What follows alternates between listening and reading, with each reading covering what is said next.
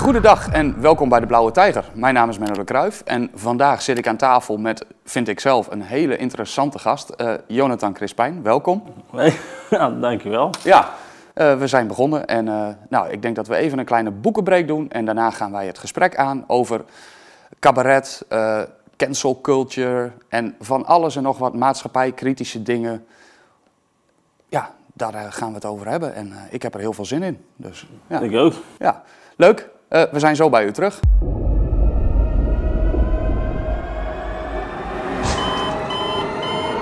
Welkom bij de Boekenbreek. hey, daar zijn we weer. Joris van Rossum, dat is eh, net verschenen. We hebben vorige week een interview met Joris van Rossum hier ge- eh, gepubliceerd op bluetiger.studio en ook op ons YouTube-kanaal. En dat, gaat, dat heet De Weg Terug, Schopenhauer voor een dolende wereld. En u moet eigenlijk even dat interview kijken, want dan weet u precies waar dit boek over gaat. Het is ontzettend leuk en interessant, lekker los geschreven. Een filosofisch boek. En dat vind ik natuurlijk zelf ontzettend leuk. Joris van Rossum eh, is een Schopenhauer-expert, werkte zes jaar aan dit boek. En het is echt een antwoord op, eh, nou niet een dolende wereld, een dolende tijd. Een, eh, het dolt allemaal nogal enorm. En daar zijn tal van problemen die hij behandelt, urgente, actuele problemen. En waar Schopenhauer dan volgens Joris van Rossum een antwoord op heeft. En ja, dat kunt u dan lezen in dit prachtige boekje, De Weg Terug. Epoch heet nu in juni The Great Game. Eh, dat gaat natuurlijk over geopolitiek, dus we hebben een heel aantal geopolitieke stukken wat er, over wat er nu speelt in de wereld. Het grote spel om de macht in de hele wereld. En dat is natuurlijk deels heel speculatief om te doorzien wat er precies aan de hand is. De mogelijkheden, die, mogelijke scenario's die gaan gebeuren, die zich ontwikkelen. Een, ander, eh, een andere special is, hij gaat over het MKB en de middenklasse. Dus er zijn twee grote thema's in dit nummer. En dat, de een is dus de middenklasse en de ondergang of de aanval op het MKB. Eh, en de ander is geopolitiek. En dan heeft u al een prachtige voorkant gezien. Eh, en dat doet u waarschijnlijk denken aan het spel Risk. En dat klopt ook. We hebben eigenlijk die een beetje geparafraseerd. En dat is gedaan door onze roemruchte stagiaire. Ja, Dagblad van het Noorden. Dan, dan weten jullie het al, hè? Ja, ja. Die stagiaire die heeft dus deze cover gemaakt. En dat is niet het enige wat hij gedaan heeft. Hij heeft eh, wel meer gedaan de afgelopen weken. Zo heeft hij ook de herdruk van gekochte journalisten van een nieuwe cover voorzien. En dat vonden wij wel echt nodig, want dat was by far de slechtste cover die ik ooit gemaakt heb. En ik vond hem niet mooi en ik, vind hem eigenlijk, ik heb hem eigenlijk nooit mooi gevonden. Dus om die lelijke cover te vervangen, is voor de nieuwe druk van gekochte journalisten echt een enorme. Ik weet niet eigenlijk hoe, de hoeveelste druk dit is. Dus er zijn enorm veel van verkocht in de afgelopen jaren. En hij blijft lopen. U heeft hier heel veel behoefte aan gehad. En waarschijnlijk nog steeds, want het is een heel mooi boek, een goed boek in eh kijkje achter de schermen in hoe de media werken. Hoe eh, geheime diensten hun invloeden op de media hebben. Dat vindt u allemaal in dit boek en dat gaat over Duitsland en Amerika met name. Maar dat zijn ook wel hele belangrijke landen en als het daar zo gaat, dan gaat het hier ook zo. Dus daarom hebben wij met z'n allen dit boek nog een keer herdrukt in een schitterende nieuwe cover. En misschien kent u een deel van die cover van Nepnieuws Explosie. Een eh, prachtig boek wat ook nog steeds eh, behoorlijk loopt. En dat Nepnieuws Explosie, dat, eh, ja, dat is een aantal jaren geleden verschenen. Er is ook al een herdruk van gekomen. En dan ziet u hier die twee figuurtjes daaronder. Ja, die hebben we eigenlijk herhaald op deze cover. En ik vind hem daarom ook wel heel erg leuk geworden. Gekochte journalisten, hoe de CIA het nieuws koopt. En ja, daar komt het eigenlijk op neer. En dan zijn we nog lang niet klaar, want wij hebben een bundel gemaakt, een mediabundel. En dat bestaat natuurlijk uit dat nepnieuws-explosie, gekochte journalisten en daarbij Homo Videns. Een essay over de kijkende mens en de ondergang van het denken. En dat is meer een filosofisch achtergrondboekje van Giovanni Sartori, een Italiaanse filosoof die nog niet heel lang overleden is. Ingeleid door professor Andreas Kenneging uit Leiden. Een ongelooflijk mooi en diepgravend boekje over de rol van de media op ons denkvermogen, op, ons, eh, ja, op onze menselijke constitutie. En dat zijn nu dus nu drie hele, hele mooie eh, boeken in een bundel waarvan u er één gratis krijgt. Dus die moet u eigenlijk even aanschaffen, want dat is echt, en dan heeft u een hele fundamenteel eh, een aanbiedingsbundeltje in, voor uw eigen bibliotheek. Ehm Epoch was nog niet klaar, want ik, eh, u, u kunt zich natuurlijk, u kunt dat nummer loskopen, wat ik al zei. Dan heeft u morgen of overmorgen op de mat liggen. U kunt ook zich abonneren en dat hebben wij veel liever, want wij gaan liever langlopende relaties met u aan. Wij maken dat blad, dat prachtige blad, vier keer per jaar. En dat komt ook nog eens, eh, althans dat kunt u, kunt u voor kiezen om dat in een prachtige cassette allemaal te bundelen. Elke jaargang in een nieuwe, mooie, luxe linnen cassette met gouden opdruk. Ehm, het kan niet op. En daarbij krijgt u dan gratis dit boek van Tot Huizinga, de nieuwe totalitaire verleiding, wereldbestuur en de crisis van de Europese democratie. Een boek van een Amerikaanse, nee, een Nederlandse Amerikaan, die komt uit, oorspronkelijk komen zijn grootouders hier uit de buurt, uit, uh, regio Groningen, net als Johan Huizinga overigens. En die nieuwe totalitaire verleiding, uh, dat is een heel fundamenteel boek, dat is ook in Amerika bestempeld als het meest fundamentele boek over die totalitaire EU. Dus dat moet u ook lezen en dit krijgt u dus gratis als u zich abonneert op Epoch. En dan krijgt u dit nummer als eerste en er komen dan nog, in het komende jaar komen er dan nog drie nummers bij. En dan heeft u de jaargang compleet met dit gratis boek. En dat doet u even na, om door naar www.epoch.media te gaan. En Epoch schrijf je met Q-U-E op het einde.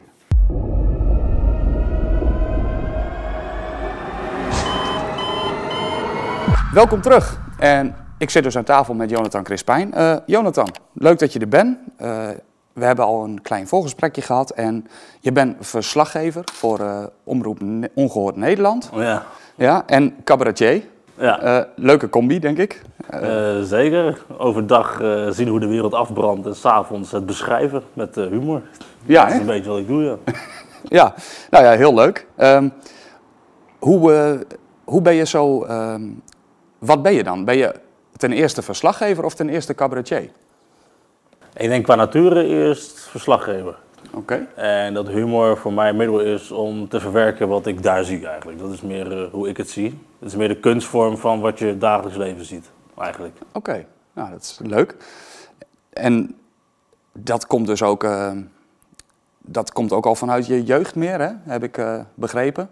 Nou, ik ben opgegroeid als enigst kind, dus ik heb weinig aandacht gehad. Uh, ik ben, uh, ja, ik heb eigenlijk heel veel uh, systeemfalen gezien in mijn leven. Dus jeugdzorg, van school gestuurd drie keer, speciaal onderwijs gezeten. ja, eigenlijk een toekomstloze perspectief heb ik eigenlijk continu voor, mijn, voeten geworpen gekregen. Dus elke keer als ik ja, weer uh, bij een of andere uh, ja, jeugdzorginstelling kwam, dan werd ik mij continu verteld dat ik niks zou bereiken. Dus, ja. Maar goed, uiteindelijk zit ik hier.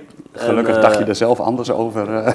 nou ja, waarschijnlijk met alle, hoe de wereld er naartoe gaat, ga ik alsnog niks bereiken. maar nou, ja. leuk zolang het duurt. Je hebt in ieder geval het heft in eigen hand genomen. Hè? Ja. en je hebt dus ook cabaret echt als een manier om dingen te verwerken uh, aangetrokken? Ja, het begrijp ik veel over hun jeugd. Dat je opgroeien zonder vader. Uh, uh, weet je, spe speciaal onderwijs. Ja.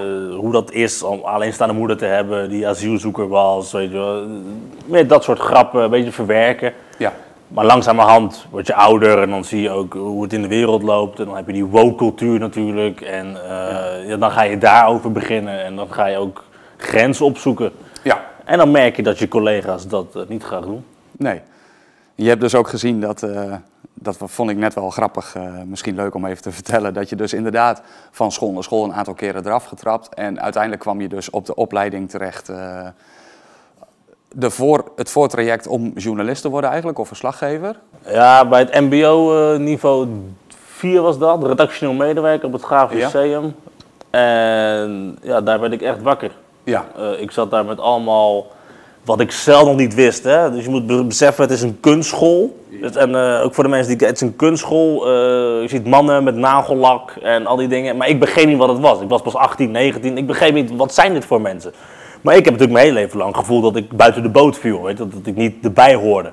En die school was ook kunstzinnig en alles met... Uh, iedereen kon lekker schilderen wat hij wilde. Iedereen kon lekker uh, dit doen, iedereen kon lekker dat doen. Iedereen kon zichzelf zijn. Dat was de boodschap daar. Iedereen kan zichzelf zijn. Ja. Ja, en zoals ik al in het voorgesprek aangaf... Uh, kijk, dan zit ik daar als een bruine Theo van Gogh. en dat trekken die mensen niet. Nee, want dan heb je in één keer meningen over immigratie. Nou, dan kunnen ze mij niet aanvallen, want ik ben bruin. Ja. Weet je, ze kunnen dan Weet je, ik, had een beetje grappen weet je, maken over kleur en zo. Ik vond het geweldig. Weet je. Ik, Ja. ik, vind- ik vind het leuk Ja. om als eh eh, eh, blanke mogen dan zogenaamd het woord neger niet zeggen. Dan vind ik het leuk om het over mezelf te zeggen bijvoorbeeld. Weet je. Ik, Ja. vind dat soort dingen leuk. Weet je. Een zelfspotgrapje over, nou ja, dan ben ik wel de zwarte Piet of zo. Weet je. Van die lompe dingetjes Ja. die ik zie als zelfspot. Daar konden zij niet om lachen. Namens mij waren zij dus al beledigd voor mij. Kijk. En toen merkte ik, oh, dit, dit is niet de plek waar ik hoor. En dat heeft mij wel, eh, nou, laat ik het zo zeggen, eh, ja, wakker gemaakt. Of in ieder geval eh, kritisch naar die hele woke-cultuur gemaakt eigenlijk. Ik besefte toen pas wat het eigenlijk was. Het was Ja. eigenlijk niet vrij, niet vrij kunnen spreken. Nee. En op het podium kan je dat wel. Tot zover inderdaad. Dat, eh, ja, als je je eigen podium vindt wel, maar op de mainstream podium is dat natuurlijk een heel ander verhaal, maar dat is iets waar we nog op terugkomen. Eh, wat ik wel heel grappig vond in jouw eh, verhaal daarin was ook door wie, wie er dan eigenlijk beledigd waren. Hè? Door die uitspraken die jij dan doet, terwijl jij eigenlijk de uitspraken over jezelf doet. Ja. Anderen die voelen zich dan beledigd namens jou. Ja, van die blanke mensen uit een Phoenixwijk die geen donkere vrienden hebben en zogenaamd namens donkere mensen dan ja, even gaan bepalen hoe, eh, ja, waar wij door beledigd zouden zijn. Ja, en waar ben je zelf opgegroeid? Eh, in de Schilderswijk. Oké. Dat Ja, ook, dus eh, kun je nagaan hè. Ja. Ik maak grappen over Marokkanen, iedereen, weet ik veel, bruine mensen, blanke mensen. En dan gaan mensen die zelf niet opgegroeid zijn in de Schilderswijk, maar in een Phoenixwijk wonen in Ipenburg of weet ik veel, welke Phoenixwijk heb je hier in Groningen? Ik heb geen flauw idee, eh, om Nou, in ieder geval, weet je, en die gaan wel even bepalen wat ik wel en niet mag zeggen. Nou, Ja. Daar kan ik niet zo goed tegen. Nee, dus dat had je op die leeftijd ook al. Ja. Ja, en toch heb je uiteindelijk eh, de opleiding afgemaakt, verslaggever geworden. Nu, eh, en dan ben je nu uiteindelijk verslaggever voor eh, Omroep Ongehoord Nederland. Nou ja, dat is best wel ook controversieel natuurlijk op het moment. Hè. We hebben daar, het is regelmatig in het nieuws. Ondanks dat ze nieuws brengen, komen ze zelf ook in het nieuws. Hoe ben jij daar zo? Wat is jouw persoonlijke motivatie om daar te gaan werken geweest? Nou, ja, ik zit natuurlijk als cabaretier, maar ik kan wel het verhaal vertellen. Van, eh, nou ja, ik ik eh, kende Arnold Karskens van een interview bij Weltschmerz. Ja. Eh, heel indrukwekkend verhaal over met vluchtelingen op een bootje gaan, zonder hulp van anderen. Weet je, echt, echt. En ook unembedded naar oorlogsdingen toe gaan. Ik hoor- hoorde dat verhaal. Ja. Het blijven hangen ergens in mijn hoofd. En toen zag ik tijdens corona een demonstratie waar Arnold ja, eh, zijn eh, eh, verslag deed over de rellen bij het Museumplein enzovoort. En toen dacht ik van, hé, hey, die man ken ik. En ik dacht, nou, ik denk van, wie was dat ook alweer? Ja. Toen dacht ik, oh ja, het interview. Ik denk, oh. En ik zag, want ik, ik, ik irriteerde me al aan die journalisten die achter de politielinie gingen staan en dan filmen zo. Ja, dan krijg je dus geen compleet beeld. En ik zag hem gewoon tussen de paarden lopen, een helmpje op, weet je wel, met, Ja. met, een- met een klein cameraatje en alles proberen vast te leggen wat er gebeurde. Ja. En toen dacht ik, oh ja, dit was de real deal. Ja. Dit, dit, dit, was, dit is hoe het hoort. En dat is ook, eh, Ja, en ik zat natuurlijk op de school van journalistiek, dus ik dacht van, ja, ik- dit wil ik. dat is wat jij ook ik. Ik wil niet achter een politielinie staan, ik wil zijn waar het gebeurt. Ja, oké, nou, dat is een hele mooie motivatie, denk ik. Ehm, dan, je noemde het net al even Café Weltschmerz. Hè? Eh, ook, eh, daar, zijn, daar ben je ook bij betrokken. Jij bent oprichter van eh, Hart voor Humor. Ja. En dat heb jij eh, ja, opgezet. Eh, met welk idee heb je dat opgezet? En sinds wanneer? En met wie samen? Nou ja, eh, ik liep weg. Nou, ik deed mee aan het Groningse Cabaret Festival. En wat er dan zou gebeuren was dat ik, kom al in half, ik was in de halve finale gekomen. Oké. Nou, als je in de finale komt, je wint hem, impresariaat, lekker theatertour doen. Nou, weet ik veel, 300, 400 man. En dan, ben je een, dan ben je, kan je lekker ja, verdienen aan wat je wilt, namelijk cabaret. En toen kwam die QR-code. En die gooide wat roet in het eten, want ik, ik trok het niet zo met die QR-code. Dus ik heb gezegd van, ik doe niet mee aan dit beleid. Maar die kwam tijdens dat cabaretfestival? Afgelopen september. Oké. Eh, 2021, ja. Ja. En toen kwam dus die QR-code. Eh, toen heb ik nog één keer opgetreden. Ja. Eh, dat was gelijk mijn laatste. Ik liep tijdens mijn voorstelling liep ik weg.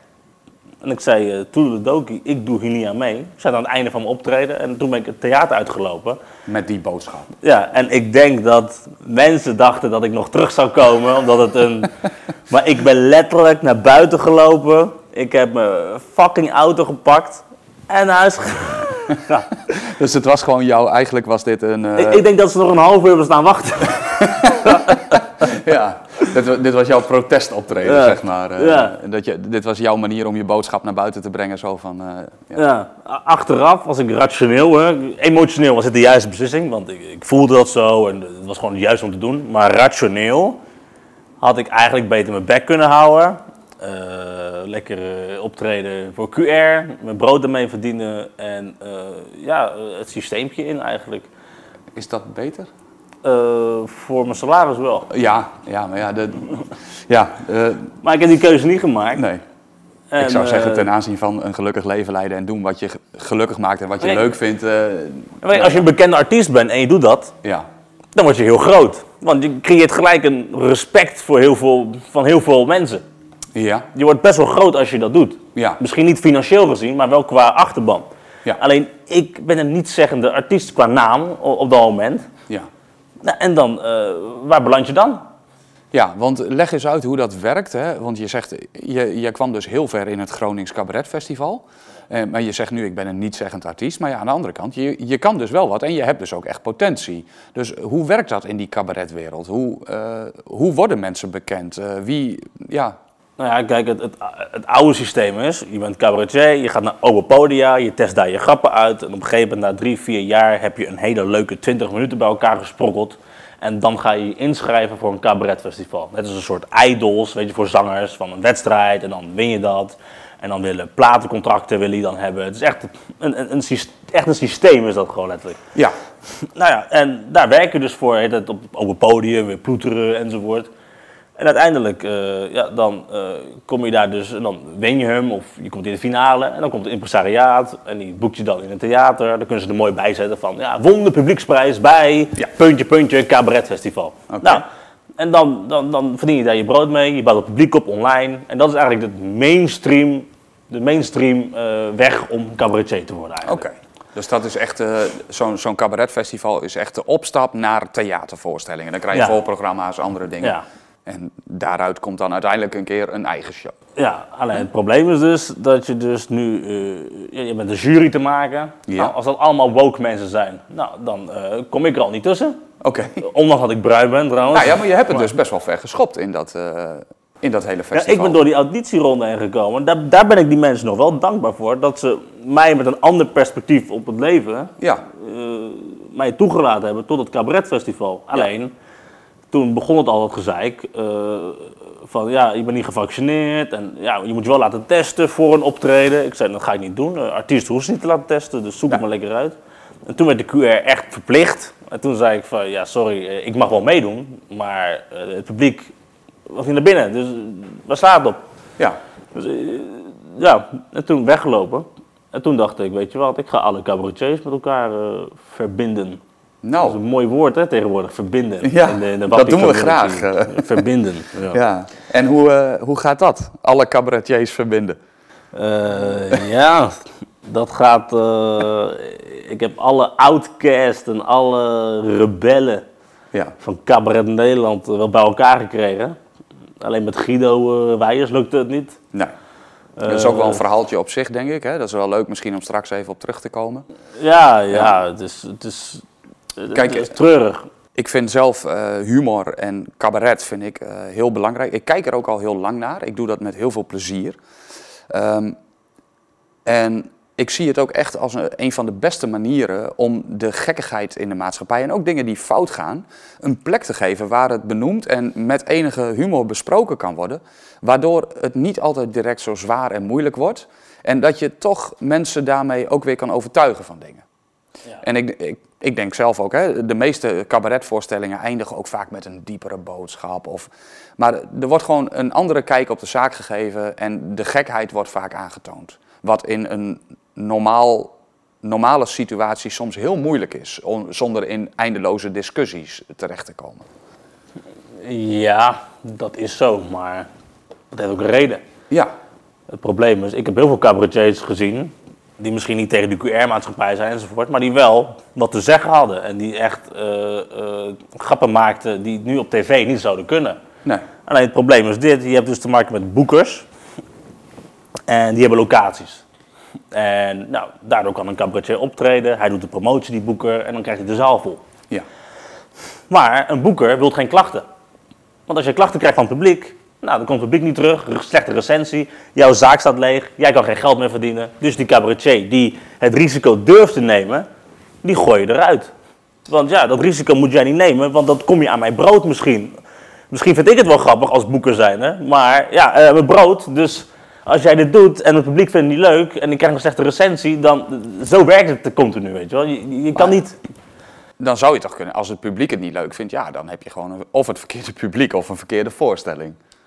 Ja, misschien een verkeerde voorstelling voor het verkeerde publiek. Ja, ja, nou ja dat, dat is natuurlijk een, eh, een manier om het te zeggen. Maar is het dan, moet het allemaal binnen een bepaald narratief passen en het Ja, andere publiek nee. komt gewoon ook niet? Of hoe moet ik dat zien? Of is er Ja, gewoon en- geen publiek voor? Nee, het publiek komt wel, eh, maar ze verwachten eh, hele leuke mensen. Dus Ja. zij denken dat comedy eh, hele leuke jongens zijn. Eh, die, die, die heel vrolijk zijn en eh, een leuk verhaaltje komen vertellen Nou. over die IKEA. En dan eh, ja, praat je over de IKEA en dan maak je er grapjes over. Alleen in de afgelopen twee jaar, denk ik, hè, als je kijkt om je heen, zijn er iets belangrijker onderwerpen dan de IKEA. Maar daar, daar, daar komen ze niet aan. Want het, het mainstream publiek wil, wil mensen zien die over de IKEA praten. En niet over dat hun grondrechten worden Ja, geschonden. is dat zo? Ja. Is dat wat het meeste publiek echt wil?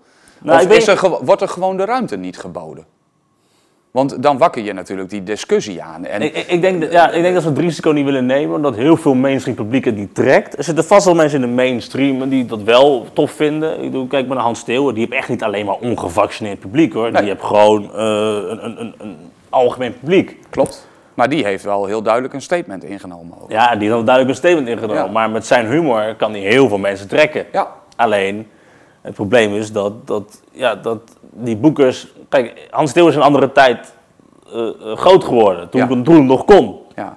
En in deze tijd op die manier groot worden, ja, dan, dan moet je de online weg bewandelen. Of je moet... eh, ja, of je komt er gewoon niet doorheen eigenlijk. Dat Nee, is eigenlijk meer... eh, Nou, maar eh, zijn, kijk, jij zei net ook, hè, eh, mensen hebben het idee dat cabaret altijd leuk en grappig moet zijn. Nou ja, we weten uit de geschiedenis wel, er zijn meerdere cabaretiers die hele donkere, duistere voorstellingen hadden. Met echt heel veel pijn erin. Vaak zijn het, er zijn ook eh, heel veel verslavingen binnen de cabaretwereld. eh, hè, dat- Heel wat. ja, dus ik, ik weet dat dat, eh, dat is echt niet allemaal eh, liefde en zonneschijn daar. eh. Nee, totaal niet. nee, Nee, maar dat... dat dus... Ja, maar nu hebben we dus, met Hart voor Humor hebben we dus nu een, een, een, ja, een comedy collectief met allemaal cabaretiers. eh, ja, behalve Guido en Tisha Boy dan. Ja, eh, die, die, die, die tijdens de lockdowns gewoon optreden. Hè?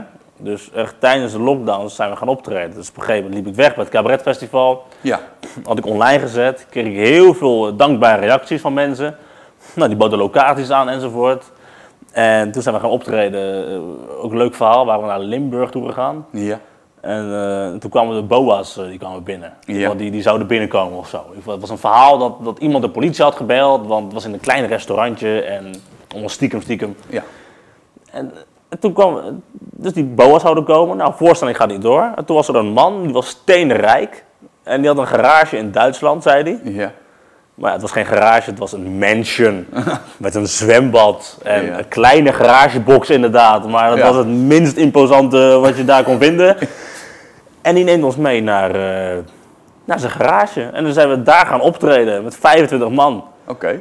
Eh, ja, dat zijn de verhalen die ik wil meemaken. Dat zijn wel de leukste dingen die. Dus ik ben wel dankbaar dat ik ben weggelopen. Ja. Want dat had ik nooit meegemaakt. Als ik mee was gegaan in die stroom van. Eh, Oké, ik moet het cabaretfestival winnen. Ik moet denken aan mijn toekomst. Dat zeggen mensen altijd. Ik moet denken aan mijn toekomst. Oh, je wilt meedoen met de QR-maatschappij. Dus je Ja. denkt aan je eigen toekomst? Nou ja, ja. Nou, nee. Dan denk je niet aan de toekomst. Nou, aan je korte termijn eh, bankrekening toekomst. Maar je toekomstige geluk, dat ga je daar niet vinden. Dat is wel eh, Nee, zeker maar ja, je kunt ook zeggen van ja, je moet een paar jaar afzien en daarna dan laat je de boel de boel en dan ga je le- dan lekker leven. Hè? Dat, dat is natuurlijk ook een optie. Als je, Ja, maar ja, wat laat je dan achter? Nou, ja. Ja. Daar, maar daarom zei ik dus ook, ik denk wel dat een hele hoop cabaretiers dit ook doen vanuit een, een dieper geloof en besef van dat er heel veel dingen niet kloppen. En die schrijven dat van zich af, eh, in grappen, in andere dingen. Maar die willen ook iets achterlaten. Er zit ook heel, eh, er zit heel vaak een boodschap in die shows. Je wilt iets achterlaten. Ja. Omdat je, ja, daar kom je het podium voor op. Je wilt iets achterlaten. Het maakt niet uit of het geen boodschap is. Geen boodschap is ook een boodschap. Absoluut, ja. Maar je wilt daar iets achterlaten bij mensen.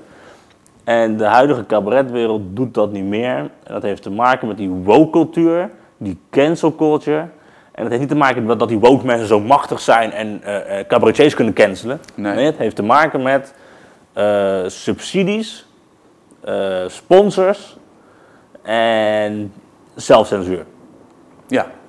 Ja. Dat zijn de drie dingen. En Subsidies. hoe werkt dat met die subsidies dan? Want die gaan denk ik meer naar de theaters? Of?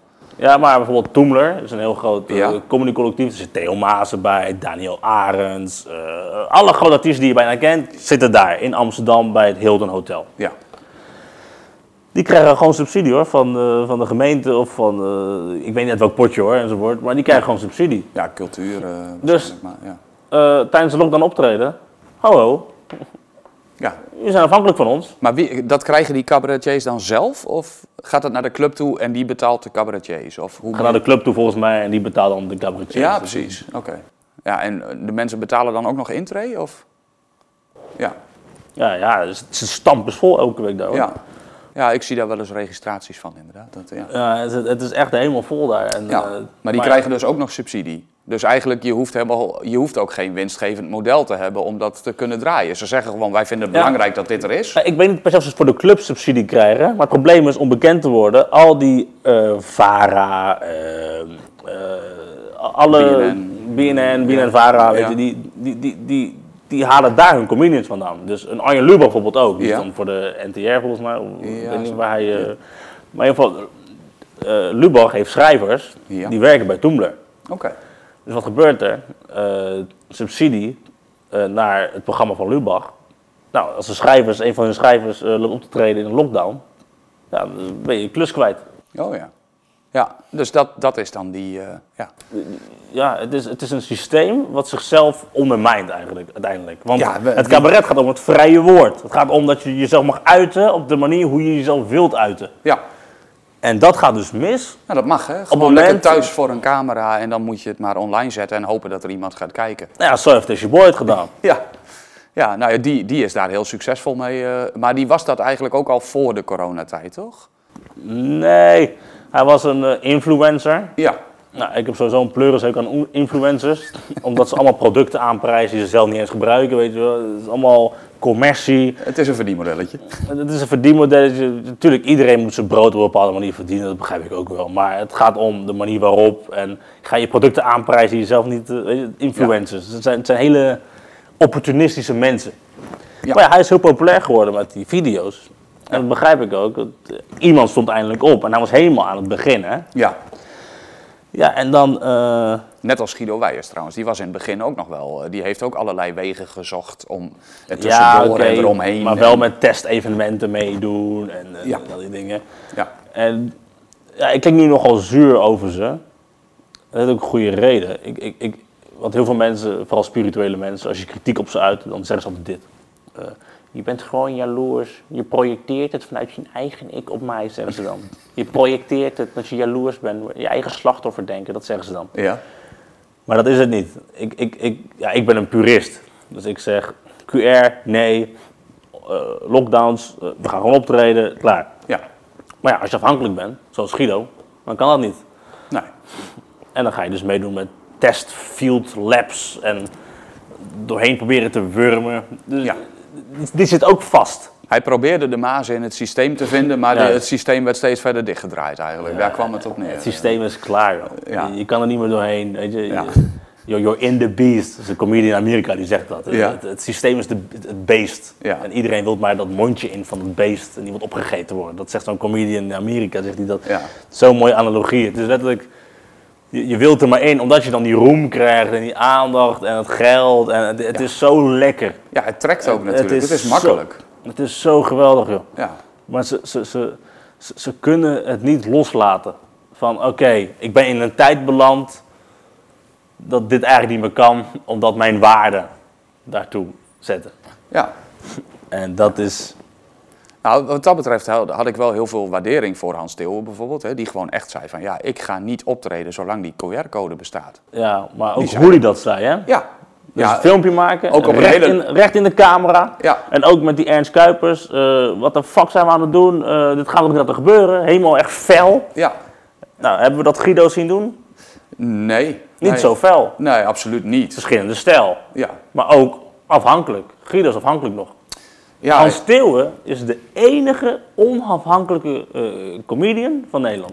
Waarom? Hij heeft zijn eigen management. Hij heeft zijn eigen, volgens mij niet impresariaat. Hij zit voor mij bij bunkerzaken volgens mij. Maar hij, zijn, zijn infrastructuur, ook fans, eh, Ja. zalen vol. Hij is compleet onafhankelijk. ja. Daniel Arends eh, en al die andere grote artiesten, die zitten bij Toomler, die zijn afhankelijk, subsidie, dat heb ik net uitgelegd. Weet je, die, zit- die zitten daarin. ja. Maar Hans Steel is helemaal vrij. Dat is gewoon eh, totaal Hoeveel, vrij persoon. Da- daar ben ik dus wel nieuwsgierig naar. In hoeverre zijn die mensen nu afhankelijk? Want eh, de meeste comedians, ik, ik denk dat het een heel moeilijk vak is om je brood mee te verdienen. Heel moeilijk. Ja. Want zo is ja, Ik was er bijna. Ja. ik proef een lichte frustratie. Ja, ik ben verbitterd hoor. ja, ja. Echt, niet op anderen, maar naar de wereld toe. Nou, het snap, Ik, ja. ik, ik ken geen enkele jaloezie ook. Maar het is niet dat ik naar Guido kijk en ik denk van, oh, dat wil ik zijn. Nee, ik wil dat juist niet zijn. Daarom ben ik ook zo verbitterd. Nou ja, daar heb jij heel duidelijk voor gekozen, inderdaad. En ja, het, het is ook heel cynisch allemaal, eh, voor een groot gedeelte natuurlijk. Maar ehm, hoeveel comedians zijn er nou in Nederland die echt hun, hun geld kunnen verdienen met... Ik denk dat dat eh, misschien tien zijn of zo, maar meer als dat. eh, Nou, een stuk of 30 denk ik. ja? Die gewoon daar 30, goed van kunnen Misschien leven? 50 zelfs. Oké. Eh, mensen zien alleen maar de grote theaters, Martijn Ja? Koning, eh Arjen Lubach. eh, Nou, die, ja, die zie ik alweer heel anders eigenlijk. ja, Die- ja, tuurlijk, maar dat is weer een persoonlijke voorkeur. Maar Nee, Eh, maar niet, niet qua persoon, maar die, die zit op tv en die zie ik ook niet echt als een theater eh, cabaretier, zeg maar, comedian. Dat, ik vind, er zit echt verschil tussen een tv-comedian en een theater-comedian. ja, tuurlijk. dus dat Maar die, die ik. kunnen hun brood daarmee verdienen. Ja, ja. Goed. Goedemorgen. Maar je hebt ook van die broodspelers die echt elke maand aan het ploeteren zijn om de huur te kunnen betalen qua comedy. Dat is er ook nog dus- wel... eh, Ja, met uh, bedrijfsoptredentjes hier en daar. Niemand kent ze, maar Nee. ze zijn wel al twintig jaar bezig. Ze in de hebben- underground scene, ja, zeg maar. een set. Ja. En dan eh, verdienen ze daar hun geld bij. Dus eh, bijvoorbeeld, je hebt bijvoorbeeld eh, bij het Comedy Café in Amsterdam. Ja. Ja. een ander Comedy Café. Je hebt Toemler en het Comedy Café. Nou ja, als je niet goed genoeg bent voor Toemler, dan beland je dus bij het Comedy Café. En dan eh, verdien je daar ook wel je brood mee. Als je een paar bedrijfsoptredens meepakt enzovoort. Ja. Je, je komt er wel aan op een gegeven moment. Alleen het is wel een dichte wereld. Dus het is heel moeilijk om daar doorheen te komen. Ja. Omdat ja, broodspelers die gaan niet een talent in één keer de kans geven. Want dat betekent weer minder speelplekken voor jezelf. Maar dat is, dat is normaal. Daar ben, ik, daar ben ik niet verbitterd over hoor. Dat, dat, Nee. dat is gewoon een, een, een ja, dat, dat is gewoon zo. Je hebt een beperkt aantal mogelijkheden om te kunnen spelen. En ja, Ja. dat is dat, eh, ja, oké. En dat beschermen ze, omdat ze hun huur moeten betalen. Dat heeft niks te maken met eh, dat ze slechte mensen zijn of zo. Dat is Nee. gewoon het systeem. Logisch. En als er vraag is, dan kom je vanzelf ergens natuurlijk. Hè? Als, eh, als iemand jou gezien heeft en je wordt een keer geboekt voor het een of het ander. En mensen die zien, dan groeit dat ook als het goed is natuurlijk. Ja. En mensen zullen ook weer uitstromen, dus dat Ja. Zal zijn plek wel hebben, denk ik. Eh, ik wou eigenlijk even terugkomen op het hart voor humor. En jij had eh, zelf ook nog eh, wat aangedragen. Jij wou ook graag benoemen het verschil bijvoorbeeld tussen hart voor humor en het is je boy. Hè? Dat, want het is je boy is ook wel kritisch geweest op bepaalde dingen. Ja. Ehm, maar jij zei van ja, er zit wel echt een heel duidelijk verschil tussen. En zou je daar, wil je dat uitleggen? Nou ja, kijk, wat wij nu doen met Hart voor Humor is dat we allerlei eh, ja, wakkere, eh, hoe je het ook wil noemen, communities toe gaan. Door heel Nederland. Dus we treden nu drie keer per week op. eh, een keer in Limburg, een keer in- we gaan ook binnenkort naar Texel. We gaan Noord-Holland enzovoort. En dan vragen we een tientje per persoon, weet je wel. 15 tientje per persoon. Weet je wel. Ja. En dan zeggen mensen ook wel eens tegen ons van, kunnen jullie daar de kosten wel mee dekken? Ik Ja. zeg, nee. Nee. Maar we doen het niet voor het geld, we doen het voor de lach en voor het feit dat we een leuke avond willen bezorgen aan mensen. En ook het feit dat we ja, eigenlijk een beetje onszelf hebben gecanceld, dat we niet willen meedoen aan die QR-maatschappij. Tuurlijk, nu is het wel weer over, maar het komt weer terug en het is een doodlopend spoor. Ja, Dus oké. wij kiezen ervoor om nu gewoon alvast eh, dat te doen. Maar wat was je vraag nou? Dus, Nou, het verschil dus tussen jullie en het is je boy. Die ook gewoon wel eh, kritisch was. Ook op QR en andere dingen. Maar eh, jij zegt toch, ja, er zit wel een wezenlijk verschil in. En bijvoorbeeld, hij wou niet optreden eh, tijdens de lockdowns en andere dingen, terwijl jullie dat juist wel willen. Wat is dan de redenatie erachter? Waarom zou hij dat niet willen en jullie wel? Ik noem maar wat. Eh, ja, dit gaan mensen niet leuk vinden. Maar ik ga het wel zeggen. Eh heeft te maken met een manager. Ja, Dus hij heeft een manager en die heeft niks met corona te maken. Hij heeft een impresariaat. Hij heeft niks met corona te maken. Puree zit hij bij. Dat, dat is mainstream shit. ja, En die gaan voor het geld. En als hij dus tijdens de lockdown zou optreden, dan zou dat heel slecht uitvallen voor zijn management en voor zijn eh, ja, andere eh, impresariaat enzovoort. Dus Maar kan hij dat ook niet gewoon persoonlijk doen dan? Want eh, ik neem aan, jullie Nee. kennen elkaar. Eh, als jij hem een appje stuurt van... hé, hey, wij gaan vanavond optreden voor 40 mensen... in een of ander zaaltje achter, achter in Tubbergen, ik noem maar wat. Hij kan toch ook gewoon beslissen om even heen te rijden... en, en jongens, telefoons weg... en ik, ik doe hier even 10 minuten en ik ga weer weg. Ja, maar je hebt ook te maken met het ego, hè? Oké, ook te maken, zeg maar... Kijk, ik, ik begrijp het ook niet, hè? In de finale van het Groningse Cabaret Festival zou ik optreden voor 750 man. ja. En dan zou ik een theatertour doen en dan eh, geld verdienen, weet ik veel wat. Hm. En nu ben ik weer terug bij 30 man.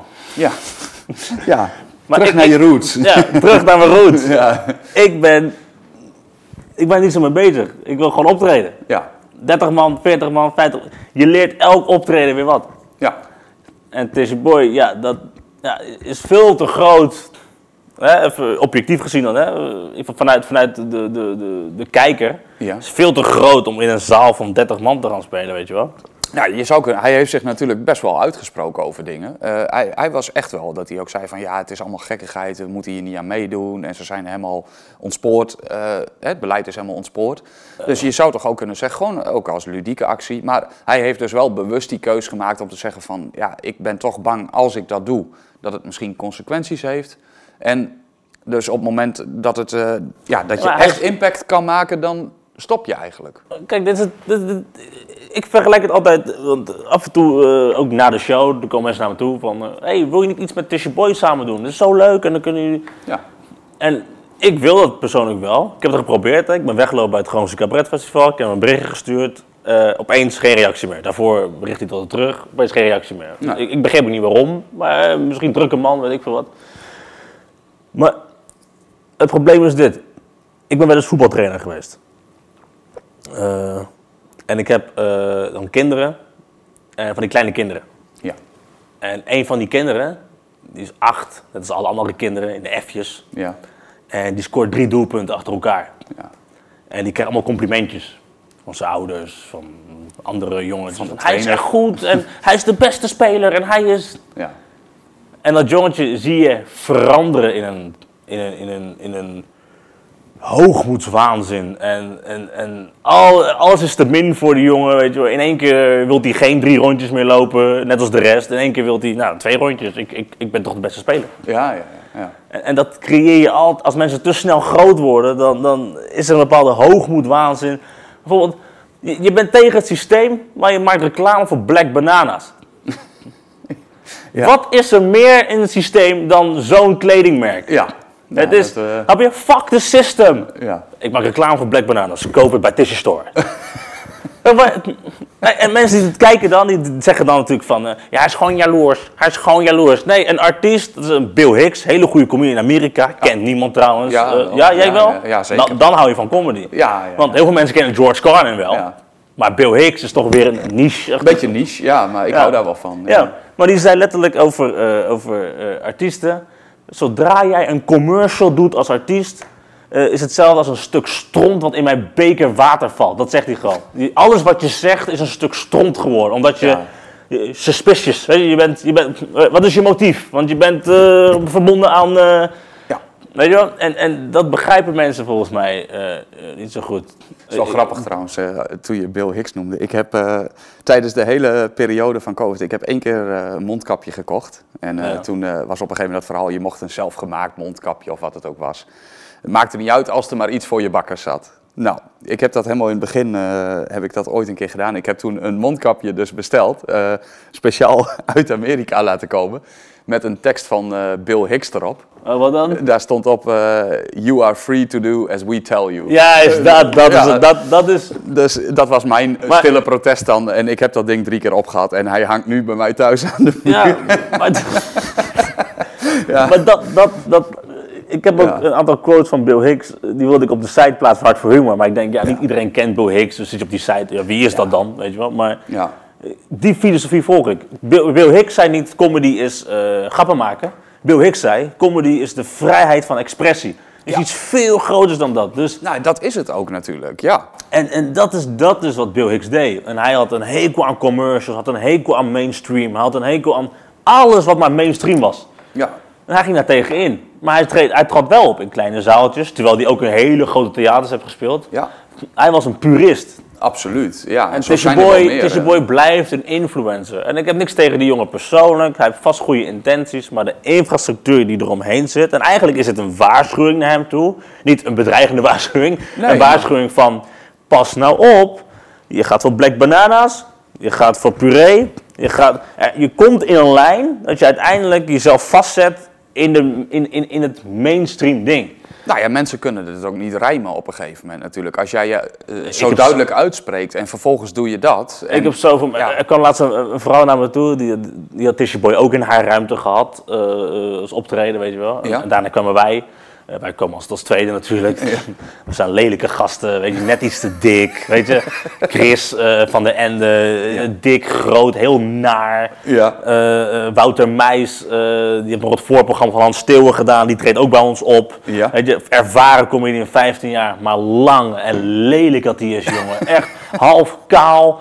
Weet je, we hebben Paul, weet je, die is ook een cynische docent. baardje, helemaal geen vrolijke... Ik begrijp dat mensen voor Tisha Boy kiezen. Dat begrijp ik. Snap je? Sixpack, eh, heel spiritueel, maar wel je tanden bleken. Hè? Ja. Dus, eh, weet je, wees tevreden met eh, wie je zelf bent. Ja. Ja. Weet je?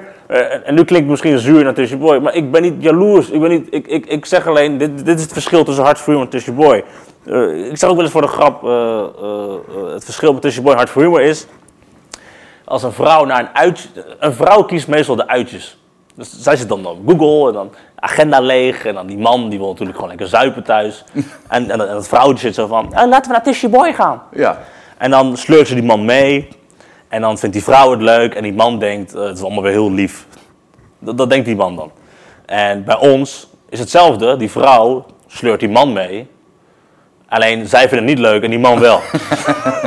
dat is hard humor, zeg maar, in een, in een notendop. Oké, ja, ja, ja. Nou, En- vrouwen die zijn vaak iets meer eh, emotioneel georiënteerd natuurlijk. Ja, dus ja. misschien dat jullie daar, eh, dat dat we- iets harder binnenkomt eh, bij We hebben wel heel veel klachten ontvangen hoor. Ja?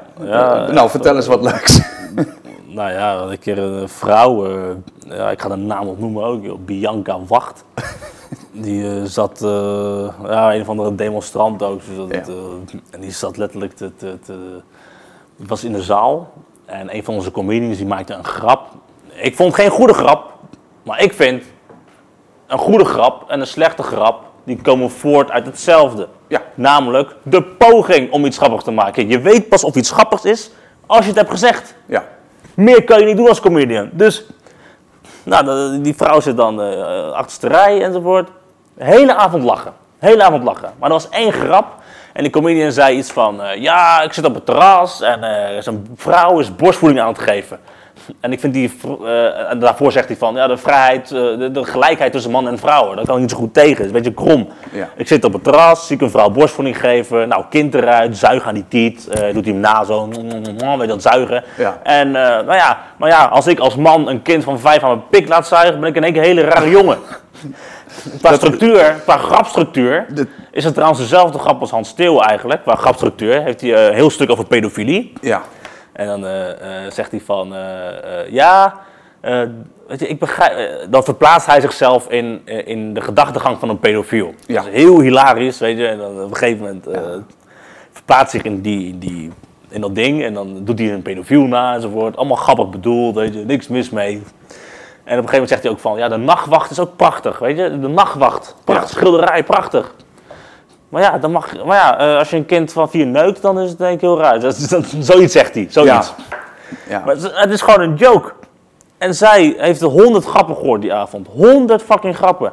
Voor een tientje, hè. Het interesseert ons geen... We zijn met eh 35 euro pp naar huis gegaan. Het interesseert ons niet. We gaan overal heen waar er gelachen moet worden. ja.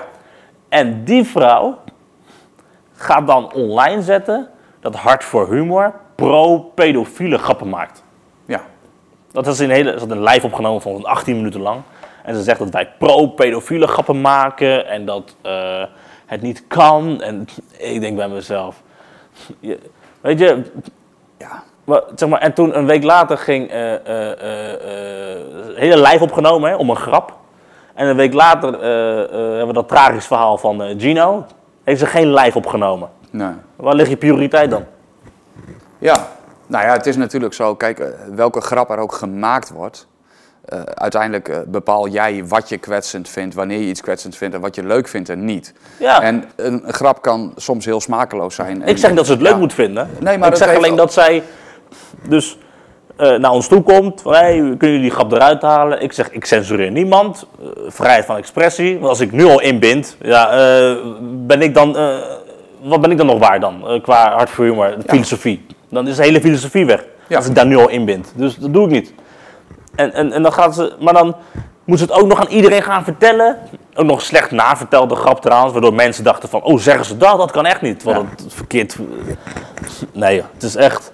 Dat heb ik ook tegen de wappie community. hè. Ook van die woke mensen. Ik, ik, ik noem de woke mensen van, eh, van de cancel culture, hè, van eh, diversiteit, inclusiviteit. Ja. De wappie community heeft ze ook. En dat is de 5D spirituele yoga vegan meisjes.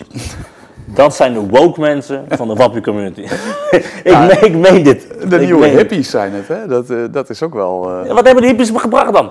Ja, nou ja. Deze tering zou je waar we nu in zitten. ja eh, Hebben zij opgebouwd, hè? Liefde en vrede, dat is, Liefde dat is en de vrede. boodschap, hè? Ja, dat, eh, ja, maar ja, ik vind dat iedereen moet dat in principe voor zichzelf invullen. En, eh, Nee, tuurlijk. Maar op het moment dat je dus, wat ze eigenlijk van jullie vraagt, is of jullie die grap eruit willen halen. En ja, dat is natuurlijk gewoon, vind ik, een stap te ver. Want dan ga je toch weer cancelen of, of censureren. En, Ze riep ook op om niet naar hard voor humor te gaan. nou, exact, dus dat, dat is cancelcultuur ten top natuurlijk. Dus, ik, denk, ja. ik denk, ben ik net uit die woke-tering zo beland? Kom ik in één keer eh, Ja. liefde en verbinding, maar eh, behalve als je grappen maakt die ik niet leuk vind. Dat dus, ja, Oké. klopt. Ja. Nou ja, dat, eh, maar jullie, jullie gaan daar niet aan meedoen dus? Nou, ja, het ging aan het verschil tussen Boy en hard humor. Nou, dit is het verschil. Ja. ja. Ehm, nou heeft Tishy Boy had ook een nieuwe show met een interessante naam, vond ik. Die- Politiek correct. Dat inderdaad. En als Ik ben je nou- geweest. Ik Jij ben bent er ge- ik ben- geweest. ik ben eh. geweest, Vertel eens, was het, ook, eh, was het ook politiek correct? Eh, het was wel politiek correct. Het was af en toe over de lijntjes in de zin van, weet ik veel, een beetje een, een vet shame grapje maken of een... eh Eén keer een Zwarte Piet ding, maar hij is wel zelf tegen Zwarte Piet. Dan heb ik zelf niet zoveel mee. Maar goed, zijn mening is het ding. Ja. Ja, het was, het was wel politiek correct. Het was ook een mooie boodschap. Bob Marley muziek. En, eh, dus ik snap heel goed dat mensen daarop aangaan. Hè? Dus ik snap, het is niet dat ik zeg van het publiek is dom dat ze daarheen gaan. Nee. Ik zeg alleen, het is een andere stijl. Want, ja, zoals altijd, dan kom ik eh, weer in een achterafzaaltje in een loods. En dan treden we daar op. En dan zijn er een paar wijven die zijn er naar Tishy Boy geweest. Sorry dat ik wijven zeg trouwens. Ik kom uit Den Haag officieel, dus excuses. Het zit erin gebakken. Erin gebakken. En die, die komen dan eh, naar ons toe. Ja. En die denken dan hetzelfde te gaan zien. Ze denken dat ze vijf leuke clowntjes gaan zien. Die lekker jong leren. Liefde en verbinding prediken. En eh, niks naars zeggen. Maar dat is niet goed voor ons bewustzijn. dat denken ze dan. Ja. ja. En dan komen ze en ze schrikken zich de pleuris. Want ze zijn geweest bij eh Tishy Boy. Nou, eh, knuffel, knuffel, knuffel. Na de show, iedereen knuffelen enzovoort. Ja, en wij zijn eh, vijf mislukte Theo van Goghs. ja. Dat zijn wij. Nou ja, ik proef, kijk, wat dat betreft zie ik uh, Tishy Boy ook wel een beetje uh, in dat opzicht. Wat jij zegt, hij heeft een goede show gemaakt. Hè? Je vindt het op zich, qua show is het goed. Dus je snapt ook dat mensen Het is leuk vinden. Maar- het, is, het, is, het is leuk enzovoort. Dan Maar zou je kunnen zeggen dat het gewoon heel opportunistisch is. Dus op het moment dat er corona heerst, is hij dan, heeft hij een publiek gevonden in de kritische hoek. Ja. Eh, en op het moment dat het dus over is, eh, komt hij eigenlijk met een heel andere show waar hij het allemaal vergeet en over andere dingen begint eigenlijk. Ja, vond ik ook teleurstellend. Ik denk van, jezus. Dat is misschien teleurstelling in mezelf hoor. Dat je meer van hem verwacht had. Ja, meer, Of, Ze zeggen het ook vaak over een cynicus is iemand die gewoon die, die wilt dat jij bewijst dat hij het fout heeft eigenlijk. Ja. Dus dus ik wil dat iemand die zich nu ergert van ja, je loopt tissue boy af te kappen en de af te branden enzovoort. Ik hoop dat diegene mij het tegendeel bewijst. Nou ja, dat, eh, dat zou heel... Ja, Maar ik heb weinig reden. Nou, je kunt ook zeggen, hij heeft de storm afgewacht eh, en hij is wel kritisch geweest. En hij heeft gewoon de storm afgewacht en hij probeert het nu op te pakken weer, op de oude weg. En eh, een beetje te doen alsof er niks gebeurd is, zeg maar. Hè. Cabaret moet leuk zijn en we hebben het al moeilijk genoeg gehad en we gaan gewoon door met z'n allen. Ja, En- als, je, als je zo'n, want de- de- het publiek wat hij heeft, hè, hetzelfde publiek als dat wij hebben eigenlijk, hè. Ja, is dat zo? Ja, Want ik denk dat zo. hij ook nog wel voor een groot gedeelte in de mainstream zit. Kijk, ik nou, denk ook- Boy heb echt, ik ben er geweest, echt, eh, misschien nog maar één keer, maar ik ben wel geweest. Ja. Eh, allemaal eh, mensen die tegen die maatregelen zijn. Allemaal. Die zitten- hebben zich wel achter hem geschaard. Ja, maar ik denk dat er ook in de mainstream nog wel veel mensen zitten die hem op zich ook wel leuk vinden. En ik weet ook zeker dat er heel veel mensen wel kritisch zijn geweest op het beleid. Iedereen op zijn eigen punten. Dus ik denk dat hij ook gewoon probeert om die aansluiting te houden met zijn Ja, nieuwe show. Tuurlijk. Waar- En dat is ook een verschil. Dat is, eh, speel je voor het publiek of speel je voor je eigen boodschap? En dat dus. Als je puur voor je eigen boodschap gaat, dan ga je mensen tegen de schenen schoppen, want niet, het is niet ieders boodschap. Maar dat zei je al, jij bent een purist. Ja, Dat ik ben wel een purist, ja. Ja, dat zei je helemaal in het begin zelf al. Dus jij bent bereid om dat te doen. Hij is dat schijnbaar niet. En ja, in zoverre heb ik er wel begrip voor. Alhoewel ik het zelf ook wel enigszins teleurstellend vind hoor. Want ik vind wel dat je uit, als je uit deze periode komt, mag je absoluut wel. Als je zo lang ook kritiek hebt gehad, vind ik, als je nu dan weer op mag treden, moet je dat ook gewoon erin gooien. Zou ik zeggen. Maar ja, dat, hij denkt daar anders over. Ja, dat is, Ja, hij eh, had een stap verder gekund. Bijvoorbeeld, hij noemt niks over het social credit system. Hij noemde niks over corona. Alles was eh, eh, ja, mainstream ja, geworden. Dus Ja. is van een beetje woke mensen belachelijk maken. Een beetje transgender, een beetje dit. ja. En, en, en ik voel zoiets van... Het is eigenlijk... eh, wat veel mensen denken dan... eh, ik heb het zo vaak gehoord, hè. Je bent gewoon jaloers. Dus ik wil daar graag altijd op ingaan. Want ik, ik probeer altijd te verplaatsen in wat de, wat de kijker denkt als ik dit zeg. ja. En niet dat ik er rekening mee hou, maar ik verplaats me van, oké, jaloers, jaloers, jaloers. Maar het, het is geen jaloezie. Het is eigenlijk teleur, ja, wat je net zei, de teleur. Ik, ik had zoveel meer van die jongen verwacht, want ik was groot fan van hem in het begin. Ik denk, oké, dit is iemand die gewoon fucking scheid hebt en het gewoon zegt. ja. En langzamerhand ga je, ja. En wat ik ook, wat ik ook erg, maar dat erg niet aan tussen boy per se, maar pu- überhaupt bekende mensen. eh, daar word ik echt kotsmisselijk van. Dat is, eh, nou, dit kennen we allemaal. Ik, ik, ik vermoed dat jij het ook eh, niet zo lekker vindt om dat te zien. Maar, ja, sorry hoor, maar ja zeg het gewoon. het klinkt heel hard. Maar ik heb een pleurishekel als je als BN'er naar een ziek jongetje toe gaat. Die gaat helpen. Ja. Nou, op zich is dat allemaal oké. Maar dan ga je dan zo'n selfie plaatsen. Kijk mij. Ik heb dit zieke jongetje geholpen. Ik Ja. trek dat niet. Wat gaat het nou om dat jongetje of gaat het nou om jezelf? Ik, ik, ik ben er heel cynisch in. Ik ben heel cynisch. Ja, ik dat vind merk jij, ik wel in een paar dingen meer bij jou. Ik ben, ik, ik sta op het podium. Ik ben 25, maar van binnen net zo zuur als Johan Derksen. Dat Ja. is een beetje... Dat is een beetje Nou ja, ik merk wel dat er bij jou een hoop frustratie, cynisme en, en ook wel boosheid zit, denk ik, over heel veel dingen. Eh, ja, ja, ja, ja ik, boosheid. eh, ik ben zelf ook wel eh, in bepaalde dingen best wel gefrustreerd hoor. Maar ik denk dat heel veel mensen dat wel zijn na de afgelopen twee jaar. Ja, maar dus die, ja, je Ja, maar eh, selfies maken met mensen die dan of andere... Oh, kijk, dit eh, mens eh, die gehandicapt is. Kijk hoe ik deze persoon help. Ik spreid liefde de wereld in. ja. Nou ja, je kunt ook zeggen, ja, daar zijn er twee kanten aan. Aan de andere kant, het een sluit het ander niet uit. Hij krijgt zelf een stukje bekendheid, hij doet iets goeds. En waarschijnlijk is dat kind er gewoon blij mee. Kijk, dat het kind blij is, geweldig. Nou, dus dan is het een win-win situatie in dit geval. Eh, Ja, ja. Ik, weet, ik weet niet of goede daden eh, berekend moeten worden met win-win. Nee, maar ja, kijk, ik zie dan het kwaad er niet zozeer in, zeg maar. Dat Ja. is meer, eh, kijk hier, ja. Ja, heel veel mensen denken daar verschillend over hoor. Ja. Ik heb bij meerdere mensen ook neergelegd, dit, dit voorbeeld. Niet per se over, ook over Ali B. en Al die, al die eh, bekende Nederlanders die dan, eh, weet je weer, eh, kijk mij en dit dit. Weet je. ja. Ik, ik, ik, trek dat het, denk, eh, ja, gewoon, gaat het nou om, je, om jou of gaat het nou om mensen helpen? Nou ja, het een sluit het ander niet uit. Hmm. Je, kunt, je kunt bekend zijn en je kunt ook zo te boek staan en je kunt ook echt anderen helpen. Het punt is alleen heel vaak dat het, waar we denk ik wel elkaar vinden, is dat het in heel veel gevallen wordt er gedaan alsof je mensen helpt, wordt er mee te koop gelopen en vervolgens eh, blijkt uiteindelijk dat er vrij weinig gebeurt. Hetzelfde met iedereen die aan het roepen was over vluchtelingen in huis nemen, plekjes, terwijl ze zelf allemaal in grote landhuizen wonen en er nooit iemand binnenkomt. Ja, dat gevoel. Dat eh, idee, maar dan zitten ze wel op tv mooie praten verkondigen. En ik denk dat dat meer is ook waar jij op doelt als je dit zegt. Ja, ook. Ja, dat het meer als een PR-stunt wordt gebruikt en dat je dat één keer per Ja. jaar doet om weer even je kop te laten zien. Ja, in en plaats... PR-stunt. dat. Da- da- da- Daar kan je zo goed tegen. Nee. PR-stunt. Nee. Maar goed, daarom ben ik ook fan van Bill Hicks. Dus, Ja. En niet van eh, Ja. andere artiesten. Heb je, nou ja, nu eh, hebben we de zure en cynische dingen een beetje eh, weer besproken. Wat, eh, maar eh, mensen die dus naar Hart voor Humor eh, gaan, ehm, ja, kunnen ze jullie boeken of hoe? Je kan aan de website www.hartvoer.nl, contactformulier. Het enige wat je nodig hebt is een, eh, een ruimte eh, waar minimaal 30 man in kunnen.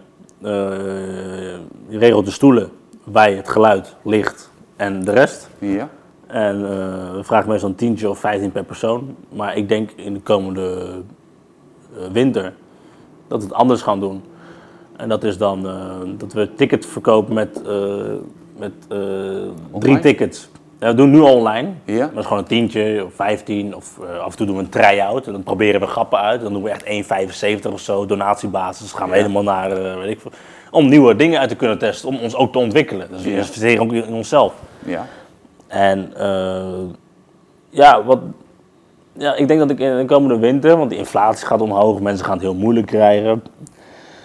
Dan denk ik dat ik die tickets dan doe van eh, de kleine beurs. Kost die 5 euro. Weet je, normaal gesproken heb je early bird, eh, regular en late bird, toch? Ja. Dan doe ik kleine beurs, middelbeurs, grote beurs. Dus En dan kan, mogen mensen zelf kiezen waar. ja, ja, dan kan iedereen met zijn eigen budget kiezen van, oké, wat kan ik nu missen? En wat gunnen ze jullie? Daar komt het dan ook op neer eigenlijk.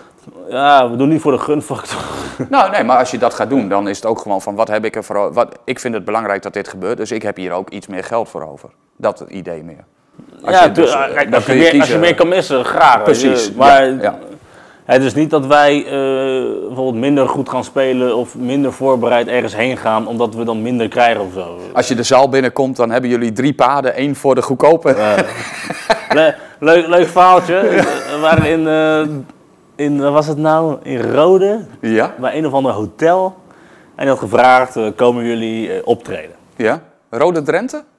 Dat ligt hier vlakbay, hè? Ja, ja heel dichtbij. Ja, Ja, oké, ja. We waren naar Rode toe gegaan. Ja. In een of ander hotel. Ik heb geen idee hoe dat heet, wat dan ook.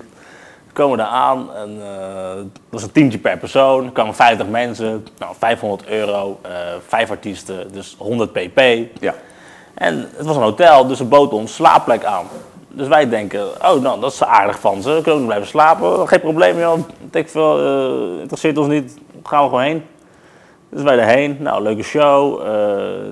Ja, en toen op een gegeven moment, eh, nou, hotel. En eh, nou, ik kom de volgende ochtend wakker, helemaal brak, de tyfus ingezopen. ja.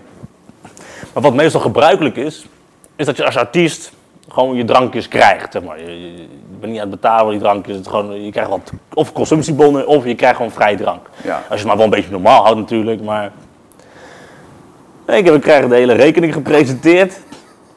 We krijgen ook het hotel gepresenteerd, de, de kamerkosten. Oké, en dat niet op voorhand vermeld of wat? Nee, ik dacht dat biedt ze aan uit. We Ja. zijn een hotel en jullie komen optreden. Nou, dat is goed de ruimte die we niet eh, geboekt hebben. Kunnen, Ja. Dus 300 euro eh, was meteen weg.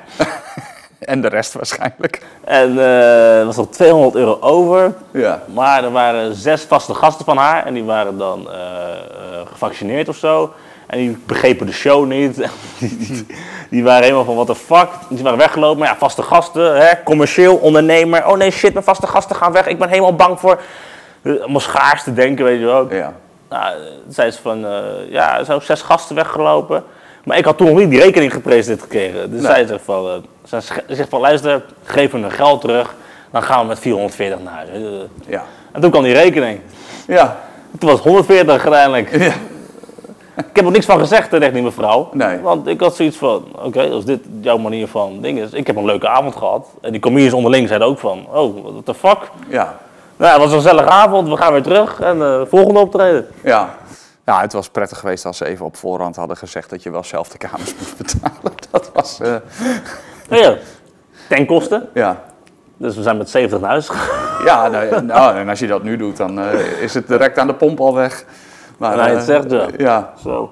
ja nee, hartstikke leuk. Ehm, met, eh, dus jullie hebben vijf vaste comedians nu waar je mee optreedt? Of wisselt dat ook nog? Is, hoe groot Dat is die wisselt groep? nog. En wat ook een mooi verschil is trouwens, eh, wij schrijven altijd bij. Dus als jij om de drie maanden komt, zie Ja. jij een andere show. Oké, We doen nooit hetzelfde materiaal. nee. Dus ik, ik schrijf vanavond ook weer bij. Eh, ook weer bij, ook weer bij. En je weet gewoon niet eh, ja, eh, wat er komt. We hebben ook verschil. Zeg maar, je treedt eh, met z'n vijven op. Nou, één presentator, Ja. twee comedians die doen 20 minuten. Pauze, een talent. eh, die we acht minuten geven, weet je wel, die we ook kennen. En dan de headliner, de, de laatste comedian, die doet dan zo 25 minuten of zo. Ja. En dan, maar ja, die comedians zelf hebben allemaal een uur aan materiaal. Dus soms switchen ze ook. Van oké, doe ik die avond doe ik dit, die avond doe ik dat. Dus je, je komt nooit in hetzelfde terecht. Heeft ook te maken met eh, hoe het publiek voelt waarschijnlijk of andere dingen. Dat Ja, ook. dingen. Dus switch ook af en toe tijdens de... Ja. je, als je merkt van, oh, dit gaat te ver. Nou, dan doe je een paar, paar, paar zelfspotgrappen. Eh, Oh, kijk maar, ik ben lelijk. En Ja. dan kan je weer daarna uithalen. Oké. En hoeveel comedians hebben jullie eh, in totaal ongeveer? Acht. Acht. Ja, waarvan drie talenten, zeg maar. Ja. En eh, ik ben letterlijk een jongen tegengekomen. eh, die kwam naar me toe tijdens een of andere protest of zo. Ik was toen aan het verslag geven. Ik kwam naar me toe van, hé, hey, jij doet een comedy toch? Ik zeg, ja, eh, ja kan ik optreden bij jullie? Ja. Ik zeg, ja, tuurlijk. Ik wil wel even beeldmateriaal zien van, is het wat? Of, nou, nu treedt hij bij ons op. Oké. Dus we zijn daar ook niet Nou ja, als het wat is, is het wat. Hè? zo Dus, moeilijk in. ja. Ja, hartstikke leuk. Eh, heb, eh, wat, eh, hoe zie jij de toekomst nu, ook voor Hart voor Humor dus? Hè? Want je bent dat vorig jaar begonnen. Jullie zijn nu dus een beetje aan het toeren. En hoe zie jij de toekomst? Wat, wat wil je hiermee bereiken ook? Nou, wat ik wil, is het hele cabaretland op zijn kop zetten. En dat is dus de vrijheid van meningsuiting weer als prioriteit nummer één zetten in de cabaretwereld. En dat geen enkele cabaretier ooit meer gecanceld wordt. We gaan ook in, de zomer gaan we langs mensen toe die ooit gecanceld zijn. Dan gaan we bloemetjes geven en de rest van hun leven krijgen ze vrijkaartjes voor Hart voor Humor. Oké. Niemand eh, wordt gecanceld, maakt niet uit wat je ook hebt geroepen. Eh, iedereen is welkom bij Hart voor Humor en niemand, maar ook echt niemand bepaalt wat wij op podium zeggen. En ook niet van iemand anders. En ook niet als dat al mijn boekingen kost. Want als ik eh, op die manier ga nadenken, dan eh, word ik puree eh, en een manager en word ik een Ja. Nou, ik, ik commerciële opportunist. Ja, Corporate fuck, zou Bill Hicks zeggen. ja. Persoonlijk denk ik ook, hè, we hebben natuurlijk net het nieuws ook gehad dat, dat de theaters smeken dat de mensen weer terugkomen. Ja, Ja, als jij, als jij heel slecht cabaret programmeert met mensen die liever over de IKEA praten dan risico nemen op het podium, ja, dan eh, komen er geen mensen op af. nee. Eigen schuld, dikke beeld. Maar ja, in hun eh, liberale, progressieve, weet ik veel, gedachtegang is dat mooi, weet je. Ja. Dus ja, Nou, eh, ik hoop, ik wens jullie in ieder geval heel veel, veel succes. En ik hoop ook dat het een succes wordt. Ik vind het zelf heel erg leuk. Of je het nou leuk vindt of niet, dat kan iedereen natuurlijk voor zichzelf bepalen. Gelukkig nog. Ehm, ja, bedankt voor het kijken. Eh, Jonathan, bedankt dat je er was. geen probleem. Ja, en eh, graag tot een volgende keer.